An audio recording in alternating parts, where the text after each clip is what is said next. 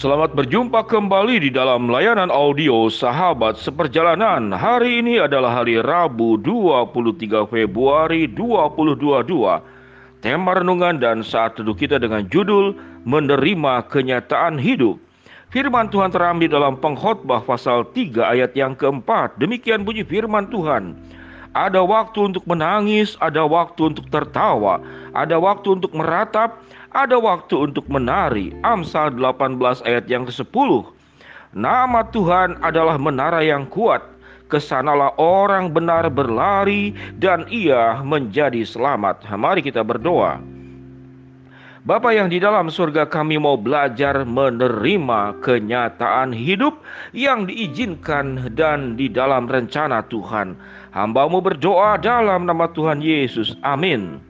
Sahabat seperjalanan yang dikasih Tuhan menerima kenyataan hidup hari Rabu 23 Februari 2022. Sahabat seperjalanan yang dikasih Tuhan, tatkala kita punya sebuah harapan, punya mimpi, punya keinginan, lalu harapan, mimpi, keinginan tersebut terbukti dan terrealisasi, maka betapa bahagianya kita luar biasa.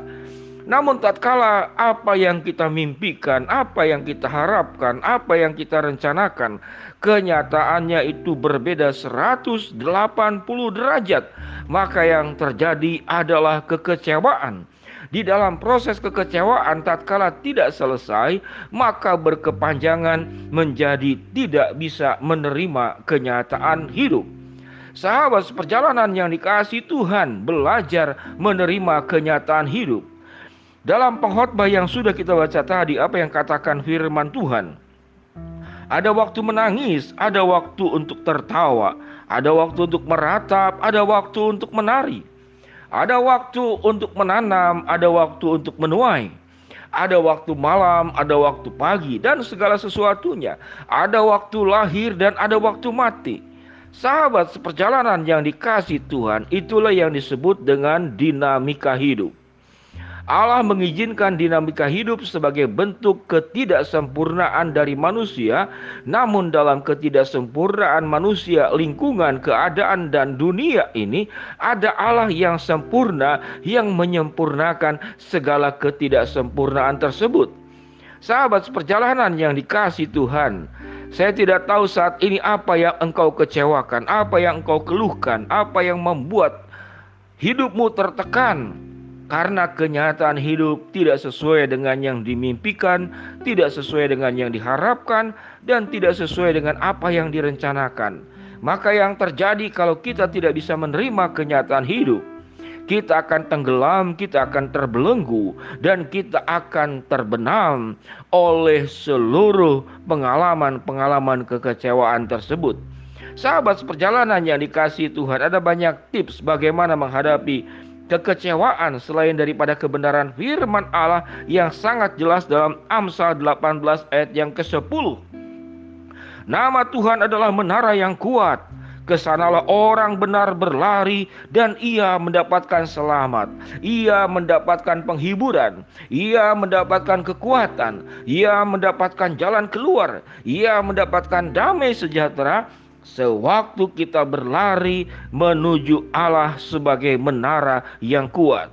Sahabat, perjalanan yang dikasih Tuhan dan firman Tuhan berkata, sewaktu kita datang berlari kepada Allah sebagai menara yang kuat, kita akan menjadi selamat dan semua yang baik terjadi dalam kehidupan kita semua. Sahabat perjalanan yang dikasih Tuhan, bagaimana cara secara tips sederhana kita bisa menerima kenyataan hidup? Yang pertama adalah belajar untuk menerima yang tidak bisa diubah. Apa itu yang tidak bisa diubah? Banyak faktor sahabat perjalanan yang tidak bisa diubah. Umur kita bertambah tidak bisa diubah kembali ke masa lalu. Pengalaman yang terjadi di masa lalu tidak bisa diubah untuk kembali kemudian kita berubah. Berubah kepada apa? Keadaan kita pengen kembali ke masa lalu lalu kemudian memperbaikinya. Itu tidak mungkin terjadi. Kesalahan yang kita buat juga tidak bisa kita ubah karena sudah terjadi. Sahabat seperjalanan yang dikasih Tuhan, sehingga yang pertama, belajarlah menerima yang tidak bisa diubah. Yang kedua, belajar untuk tidak mempertahankan apa yang bisa hilang dan terlepas. Sahabat perjalanan dalam hidup ini ada banyak hal yang akan terlepas sekalipun kita menggenggam secara kuat luar biasa. Itu akan hilang dan itu akan terlepas. Apa yang bisa hilang, apa yang bisa terlepas? Umur kita, kesempatan kita. Apa yang kita dapatkan juga pada akhirnya bisa berpindah tangan seperti roda yang sebentar bisa di bawah dan sebentar bisa di atas. Sahabat seperjalanan yang dikasih Tuhan, tips yang ketiga, bagaimana kita bisa menerima kenyataan hidup? Ingatlah bahwa hidup itu tidak hanya berlari untuk mengejar berkat. Sewaktu kita berlari mengejar berkat, maka yang kita pikirkan adalah harapan-harapan mimpi dan keinginan kita yang harus kita dapatkan. Itu yang namanya orientasi hidup berlari untuk mengejar berkat.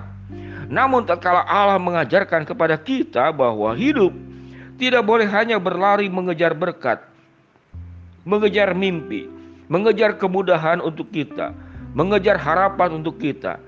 Jadi hidup tidak boleh hanya serta-merta mengejar berkat, berlari mengejar berkat. Namun engkau dipanggil juga berlari untuk memberi berkat. Wah, luar biasa ya. Kalau kita bayangkan saudara, orang yang memberi berkat itu yang dapat berkat yang berlari mendekati kita. Jadi dia yang berlari mendekati kita karena kita mau memberi berkat.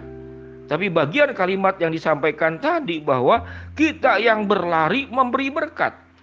Jadi orang itu yang bukan berlari mendekati kita, tapi kitalah yang berlari untuk memberi berkat.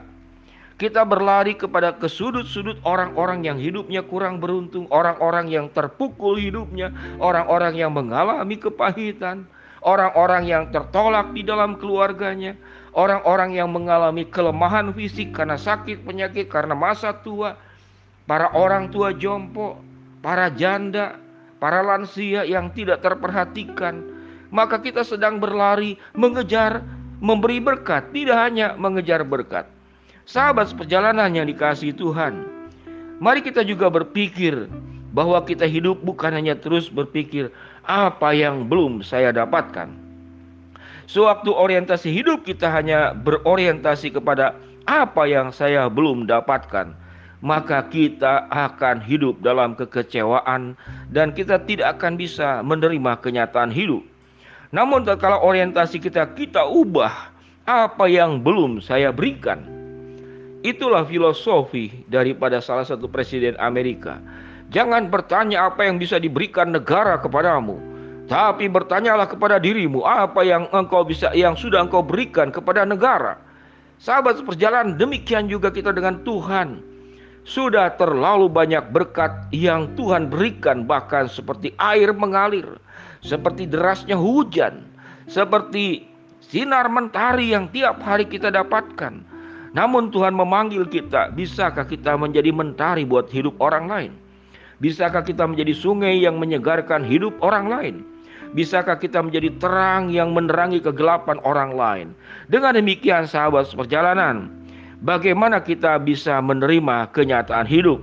Biarlah kita belajar apa yang sudah disampaikan tadi. Jangan berjuang mengubah apa yang tidak bisa diubah. Jangan mempertahankan apa yang akan terlepas. Hidup tidak hanya berlari mengejar berkat, tapi berlari untuk memberi berkat. Jangan bertanya apa yang belum saya dapatkan, tapi bertanyalah apa yang belum saya berikan. Mari kita berdoa. Bapa di dalam surga hamba berdoa buat sahabat perjalanan yang sedang sakit Tuhan jamah sembuhkan. Sahabat perjalanan yang sedang menghadapi masalah Tuhan bukakan jalan. Sahabat perjalanan yang sedang berdoa mengharapkan sesuatu dari Tuhan Tuhan akan kabulkan sesuai dengan waktu, rencana dan kehendak Tuhan. Di dalam nama Tuhan Yesus kami berdoa. Amin. Shalom sahabat seperjalanan. Mari kita belajar untuk menerima kenyataan hidup.